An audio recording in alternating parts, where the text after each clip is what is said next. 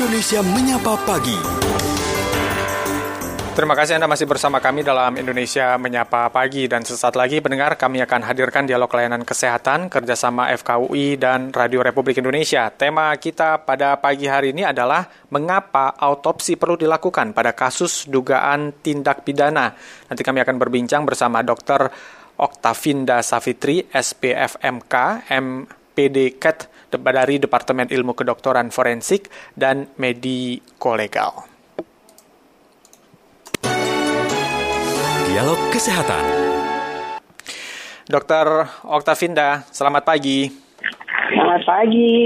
Baik, dokter, soal otopsi sekarang sedang marak diperbincangkan begitu ya. Pencarian-pencarian Iya, di Google sekali. juga tentang otopsi ini marak sekali ya, dokter ya. Dokter, langsung aja nih, kenapa perlu dilakukan otopsi pada kasus dugaan tindak pidana, dokter? Ya, betul. Jadi otopsi pada kasus eh, dugaan tindak pidana ini perlu dilakukan Ya. karena pada kasus-kasus eh, kecurigaan tindak pidana gitu ya, apakah satu pembunuhan, bunuh diri atau kecelakaan itu eh, tentu penyidik membutuhkan data gitu ya. Eh, ini orang ini meninggalnya karena apa gitu. Jadi memang otopsi itu sebenarnya bisa menjawab mengenai eh, sebab kematian dan mekanismenya. Jadi prosesnya tuh seperti apa sih? Kenapa orang ini mengalami misalnya mengalami eh, kekerasan eh, tumpul, kemudian eh, meninggal dunia gitu ya? Atau misalnya eh, kita juga bisa menjawab kalau misalnya luka-lukanya ada banyak gitu ya. Terus eh, kita harus tahu nih yang jadi sebab mati yang mana gitu. Nah itu dila- eh, bisa dijawab dengan otopsi gitu. Karena kan biasanya kalau kita di sidang juga Hakim suka nanya tuh ini dok ini lukanya ada sekian mana yang menurut dokter paling mematikan gitu. Karena ternyata kalau kita lihat gitu ya Pak Hakim itu memutuskan kalau misalnya pelakunya lebih dari satu gitu ya yang menjadi eh, pelaku eh, kekerasan yang paling fatal itu biasanya dihukum lebih berat ternyata begitu Gitu. jadi memang kita bisa membantu menjawab itu sebenarnya Jadi bukan hanya terkait dengan kasus kematian saja, dokter ya? Mm-mm. Bukan hanya terkait dengan kasus kematian saja, Kem- kasus-kasus lain juga otopsi ini bisa dilakukan begitu, atau hanya untuk kasus kematian? Ya, dokter? jangan autopsi itu kan mencari sebab mati Iya. kalau orang hidup nggak bisa diotopsi Oke, mas baik, baik. Mm-mm, baik. Autopsi itu sebenarnya artinya bedah mayat. gitu, Bedah kalau mayat, kita lihat ya. undang-undangnya bedah mayat. Baik. Betul. Nah, dokter, sekarang kan juga kita sering berbincangkan soal eh, otopsi ulang. Nah, begitu. Kapan otopsi itu harus dilakukan ulang atau dua kali, dokter? Oke, jadi kalau autopsi ulang itu biasanya kalau ada keraguan-raguan gitu ya dari salah satu pihak itu bahwa eh, tadi eh, ini sudah memenuhi apa yang perlu dijawab atau belum atau bisa juga otopsi ulang dilakukan kalau ternyata dianggap otopsi yang pertama belum bisa menjawab pertanyaan ibaratnya gitu ada yang mungkin ada yang ketinggalan belum diperiksa gitu kan ya. Itu bisa dilakukan otopsi ulang. Jadi sebenarnya kewenangan untuk melakukan eh, memerintahkan untuk melakukan otopsi maupun otopsi ulang itu sebenarnya ada di di Oke. gitu mas Jadi bisa saja ya eh, hasil otopsi pertama itu kurang lengkap begitu ya, harus dilengkapi dengan otopsi berikutnya begitu ya, dokter ya. Hmm, mungkin ada informasi baru gitu ya bisa aja kayak gitu kan ada informasi baru yang eh, tidak eh, apa namanya belum muncul di eh, pemeriksaan pertama gitu kemudian ternyata eh, diketahui belakangan yang ternyata misalnya sampelnya nggak kita ambil karena kita nggak curiga ke arah sana gitu kan Oke. Nah, yang, yang seperti itu ya harus diulang. Jadi diulang berarti bahwa kita melakukan pemeriksaan untuk eh, tadi mengambil sampel tambahan. Misalnya seperti itu juga bisa dilakukan. Baik, ini memang benar-benar hasil autopsi itu bisa memperkuat atau bisa menegaskan atau bisa menguak sesuatu yang sebelumnya tidak terkuak begitu ya, dokter ya? Ya, jadi otopsi ini kan sebenarnya kita melakukan pemeriksaan eh, luka-lukanya apa gitu ya, terus Ya. kita menentukan dari luka-luka yang ada ini jenis kekerasannya apa sih? Apakah memang kekerasan tumpul atau kekerasan tajam atau luka tembak tadi atau memang matinya karena penyakit? Hmm. Nah, eh, hal-hal seperti ini memang hanya bisa dilakukan melalui otopsi gitu ya. Jadi kita membuka semua rongga-rongganya gitu ya, rongga kepala, otaknya kita periksa, kemudian kita membuka rongga dada, rongga perut, Jadi setiap organnya paru, jantung, ginjal semua kita periksa satu persatu. Oke. Untuk kemudian kita bisa menemukan tadi orang ini kenapa sih meninggal dunia. Nah itu butuh waktu berapa lama dilakukan autopsinya dan butuh waktu berapa lama juga untuk bisa merilis hasilnya dokter? Oke, kalau otopsinya sendiri gitu ya, kita membuka rongganya, Ya. mem- memeriksa organ-organ segala Hmm. macam itu tergantung dari kasusnya juga eh, sulit atau enggak gitu ya. Paling tidak bisa eh, antara 2-3 jam ya kalau misalnya ternyata sulit misalnya saluran lukanya ke mana-mana gitu Ya, ya, bisa 6 jam kita mengerjakannya gitu. Nah 6 itu jam, baru meriksanya aja, iya itu baru meriksanya aja. Jadi kadang-kadang kan kita perlu pemeriksaan tambahan gitu ya untuk Oke. menjawab. Jadi ada pemeriksaan penunjang kayak kalau orang sakit kan mesti periksa darah misalnya Hmm. gitu. Nah hasilnya kan nggak tergantung dari kita, tapi tergantung dari labnya gitu. Jadi kita Oke. eh, baru bisa mengeluarkan laporan kalau hasil dari lab sudah keluar. Jadi yang itu kita nggak bisa atur mas gitu. Jadi Hmm. memang tadi rilisnya tergantung dari sana. Kalau ternyata misalnya labnya reagennya habis gitu, terus Ya. dia baru baru ada lagi dua minggu gitu Oke, kan, ya kita harus nunggu. Banyak faktor gitu. begitu ya? Iya betul. Baik. Selama ini kesulitan-kesulitan untuk eh, membantu pengungkapan tindak pidana dari autopsi ini apa sih, dokter? Ya biasanya kesulitannya satu eh, keluarga keberatan gitu ya. Nah, Kalau keluarga keberatan kan kita minta mereka untuk eh, bicara dengan penyidik karena kan eh, sebenarnya yang minta itu penyidik gitu ya. Kalau Ya. misalnya penyidiknya kemudian mengatakan oke periksa luar aja cukup ya kita kerjakan periksa luar. Oke. Tapi kalau penyidiknya tetap eh, maunya otopsi ya nanti penyidik yang harus kemudian menjelaskan pada keluarga itu Hmm. satu soal eh, masalah eh, keberatan dari keluarga. Kemudian kesulitan lain adalah eh, pembusukan gitu ya. Kalau busuk tentu lebih sulit meriksanya gitu. Jadi memang kalau makin cepat makin baik karena kan kondisinya masih eh, kelihatan jelas gitu ya Hmm. luka-lukanya, kemudian organ-organnya juga di dalam kita bisa menilainya dengan lebih baik. Pemeriksaan labnya juga nanti hasilnya akan lebih akurat gitu kalau memang Oke. belum terpengaruh oleh eh, proses pembusukan. Baik, Begitu. baik. Dokter ditahan sejenak ya. Kita simak dulu sekilas informasi dari eh, ruang gatekeeper. Nanti kita akan lanjutkan lagi perbincangannya. Oke. Baik. Kilas Berita. Kilas Berita.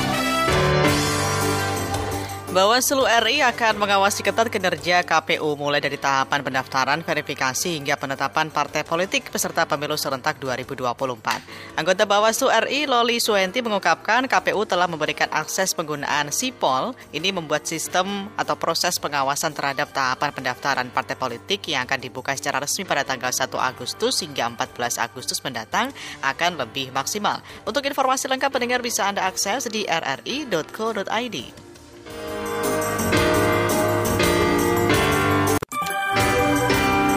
Berita.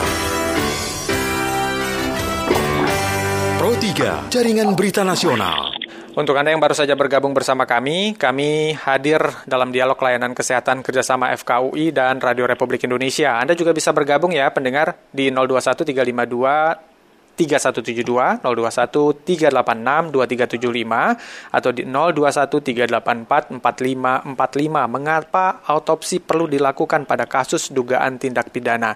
Kami sedang berbincang bersama Dr. Oktavinda dari Departemen Ilmu Kedokteran Forensik dan Mediko Legal. Dokter, tadi dokter sempat menyebutkan ya, kalau misalnya kendala yang kedua adalah soal kalau misalnya sudah membusuk begitu ya atau sudah lama sekali uh, durasi pemakamannya itu kan akan menyulitkan sekali. Nah, tidak jarang juga sekarang kan pemakaman itu ada yang dibalsem atau diberikan formalin. Ini juga menyulitkan tidak, dokter?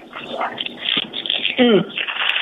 Ya, terima kasih pertanyaan. Jadi eh, otopsi itu ini kita bicara otopsi secara umum ya, bukan Ya. bukan hanya otopsi eh, gali kubur gitu ya. Oke. Jadi kalau otopsi itu memang eh, kendalanya tadi kalau busuk itu kita sulit. Memang kalau pengawetan jenazah, karena kan bisa aja mas. Jadi udah diawetin duluan, Mhm. dikira matinya eh, wajar, Wajar, ya. sudah diawetkan, nah, tapi ternyata kemudian di belakang beberapa hari kemudian diketahui bahwa ini terkait tindak pidana gitu. Itu juga bisa. Jadi belum sempat dikubur, sudah diawetkan, kemudian kita uh, otopsi gitu. Yang kasus seperti itu juga ada. Jadi memang kesulitannya uh, kebaikannya kalau di di uh, uh, awetkan, memang jenazahnya lebih awet gitu ya. Jadi kalau misalnya kasusnya kasus luka, kita masih akan melihat uh, gambaran lukanya gitu ya karena memang pengawetan ini kan sebenarnya memperlambat ya bukan me, me, bukan menghambat pembusukan sebenarnya memperlambat hmm, hmm. saja. Nah kalau yang sulit adalah kalau kasusnya kasus keracunan gitu okay. karena uh, pengawet jenazah ini kan umumnya berupa cairan formalin gitu ya dan macam-macam campurannya yang merusak kalau misalnya ada racun dalam tubuh gitu. Yeah. Jadi kalau kasusnya hmm. keracunan sudah diawetkan kita akan sulit nanti menentukan uh, ini kasus ini racunnya apa gitu. Iya. Jadi di situ ya kalau misal untuk uh, selain misalnya kasus pembunuhan uh, dengan benda tumpul atau benda tajam, soal keracunan hmm. ini paling sulit ya dokter ya? Iya kalau sudah diawetkan. Gitu. Hmm, tapi kalau, kalau tidak, misalnya tadi, ya kalau masih kasusnya masih segar tadi ya uh, hmm. tentu akan lebih baik gitu ya darahnya udah bisa kita ambil, urin bisa ambil organ-organ yang memang uh, biasanya menyimpan racun juga kita ambil untuk diperiksa uh, kadar uh, racunnya, gitu. jenis dan kadar racunnya. Baik. Nah ini sebagai media edukasi juga ya dokter, mengapa otopsi perlu hmm. dilakukan pada kasus dugaan tindak pidana? Nah mungkin saja ya uh, kita mendoakan agar tidak begitu. Misalnya ada ada ada anggota keluarga atau siapa pun begitu yang kita temukan meninggal dunia, kemudian ada tanda-tanda yang menurut kita janggal. Uh, tidak salah begitu ya untuk kita mengizinkan dilakukan otopsi ini ya? Harusnya dokter ya begitu ya? Betul karena kan tujuan kita melakukan otopsi melaporkan kasus ini kan kita mau mencari keadilan hmm. e, bagi si almarhum gitu yang orangnya sudah meninggal. Dia mau cari keadilan gimana lagi? Justru kita yang orang hidup membantu uh, menegakkan keadilannya dengan cara itu tadi kita mencoba mencari sebab kematian pastinya apa gitu. Hmm. Jadi alasan medisnya jelas begitu penyebab alasan atau penyebab meninggalnya itu jadi terang benderang begitu ya. Betul, hmm, hmm betul hmm. sekali. Baik. Ada beberapa pendengar juga yang bertanya ini ke kami begitu ya soal apakah mm-hmm. Autopsi ini juga bisa mengetahui kapan persisnya jenazah itu meninggal dunia atau orang itu meninggal dunia. Begitu dokter. Oke, betul. Jadi memang ada pemeriksaan-pemeriksaan yang bisa membantu kita untuk memperkirakan sih, tidak memastikan ya, memperkirakan, memperkirakan saat ya. kematiannya, ya. uh, saat kematian. Jadi ada berbagai pemeriksaan yang uh, bisa memperkirakan saat uh, kematian. Memang range-nya jadinya gitu ya, jadi yeah. memang nggak bisa tepat tepat betul jam berapa. Jadi memang nanti perkiraan ini akan dikoordinasikan juga dengan uh, temuannya penyidik gitu ya mengenai uh, saksi mata yang melihat terakhir dan sebagainya gitu. Baik, baik. Dokter kita terima pendengar juga yang sudah bergabung ada Pak Bagio di Jakarta. Kita sapa dulu, Dokter. Pak ya. Bagio, selamat pagi. Halo, selamat pagi. Assalamualaikum, Bung. Waalaikumsalam warahmatullahi wabarakatuh. Hmm, silakan. Selamat pagi, Dok. Ini mau pagi. tanya mengenai otopsi itu. Ya. Kalau otopsi itu mengambil apa organ-organ tubuh itu nanti kembalinya dikembalikan semula atau asal ditaruh aja, Dok? oh gitu aja dok. Terima ah, kasih. Oke, okay. baik.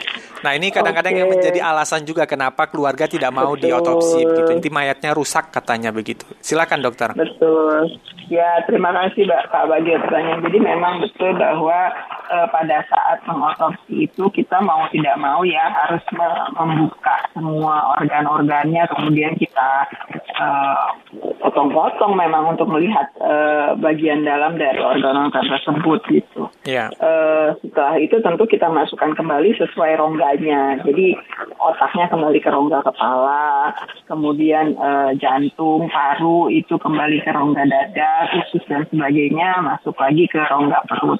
Memang uh, karena per sudah dilepas dari perlekatannya gitu ya yeah. kita nggak bisa lagi tuh mengembalikan uh, sesuai dengan uh, posisi semula memang jadi kalau mau dikatakan istilahnya dimasukkan begitu saja ya nggak begitu saja juga sih okay. gitu ya tapi memang dimasukkan hmm. sesuai rongganya saja begitu jadi tidak asal begitu ya yang uh, artinya tidak dirusak begitu ya. Ya memang dibedah jadi rusak juga tapi Ya, akan dikembalikan dibedah, iya. Mm-mm, akan dikembalikan Ah, tapi kan ke sebenarnya tempatnya begitu tujuannya ya. kan demi kebaikan si Ya. eh, jenazahnya gitu kan ya. Mhm. Gitu.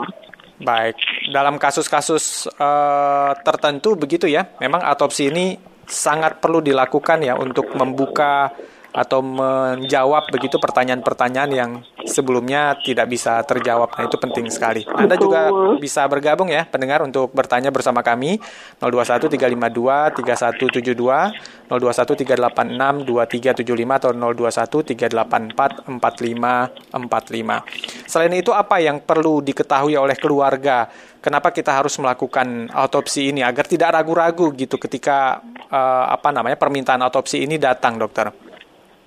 Ya, salah satu yang ditakutkan oleh keluarga juga kan soal katanya nanti organnya diambil apa segala macam untuk Mhm. eh, donor apa gitu ya. Yang perlu diketahui adalah sebenarnya kalau donor itu Ya. nggak bisa sembarangan organ diambil gitu. Jadi kalau misalnya eh, eh, untuk donor itu biasanya diambil dari korban yang memang misalnya di- sedang dirawat di rumah sakit Ya. kemudian eh, dinyatakan meninggal dunia. Nah, biasanya alat-alatnya nggak dilepas, mas, karena Hmm. kalau alat-alatnya dilepas kan organnya mati, sel-selnya mati, dan itu nggak bisa digunakan untuk donor. Gitu. Hmm. Jadi kalau untuk eh, eh, jenazah yang memang eh, meninggal, misalnya di karena kecelakaan atau Ya. peristiwa lain di rumah, itu eh, biasanya ya tadi di otopsi organnya pasti akan dikembalikan lagi karena tidak memungkinkan kalau untuk dijadikan uh, untuk donor kecuali kornea ya. Kornea masih bisa sampai dengan 6 jam tapi itu pun tentu harus dengan izin keluarga gitu. Ya jadi kalau uh, keluarga tidak mengizinkan ya nggak akan diambil juga gitu. Karena kalau terus kita ambil tapi terus nggak langsung di- diberikan pada penerima juga eh, nggak bisa juga gitu karena kan memang butuh proses sebenarnya untuk donor itu gitu kalaupun memang kita ambil untuk pemeriksaan Ya. kalau eh, apa namanya sampel itu kalau untuk histopatologi paling diambilnya sebenarnya ukurannya sebesar paling besar pun sebesar dadu mas Oke. jadi satu kali satu kali satu sentimeter gitu untuk kemudian kita olah Ya. dan kemudian eh, kita lihat di bawah mikroskop gitu potongan-potongannya Oke. gitu. Jadi informasi yang beredar kalau misalnya nanti di otopsi organnya dijual itu adalah hoax ya. Dokter ya. Nggak bisa hoax. Baik, baik. Terakhir apa yang ingin disampaikan sebagai eh, tambahan edukasi begitu ke masyarakat soal otopsi ini karena ini otopsi terus-terusan begitu tiap hari kita dengar kata ini, dokter. Hari eh, minggu-minggu ini ya. Betul, betul, betul. Jadi memang eh, otopsi forensik ini memang perlu dilakukan untuk eh, menjawab eh, tadi mem- memberikan rasa keadilan bagi almarhum gitu ya. Ya. Penting sekali kita bisa mengetahui sebab dan mekanisme kematiannya sehingga kalau memang ditemukan pelaku misalnya kalau bahwa kasus ini adalah kasus eh, kekerasan atau pembunuhan maka pelakunya bisa diberikan hukuman gitu. Jadi memang eh, sebisa mungkin keluarga tidak keberatan dengan proses ini. Begitu mungkin. Baik. Dokter terima kasih sudah bersama kami, dokter. Ya, sama-sama. Baik, selamat bertugas kembali. Selamat pagi, dokter. Selamat pagi. Demikian bersama Dr. Oktavinda Safitri, SPFMK, MPD KET, Departemen dari Departemen Ilmu Kedokteran Forensik dan Mediko Legal. Jadi mengapa perlu dilakukan ini sangat perlu sekali ya untuk membantu mengungkapkan sesuatu yang tidak bisa diungkapkan kalau misalnya tidak dilakukan dengan autopsi dan jangan ragu begitu jika ada anggota keluarga Anda yang harus diotopsi. Begitu tadi pesan dari Dr. Oktavinda.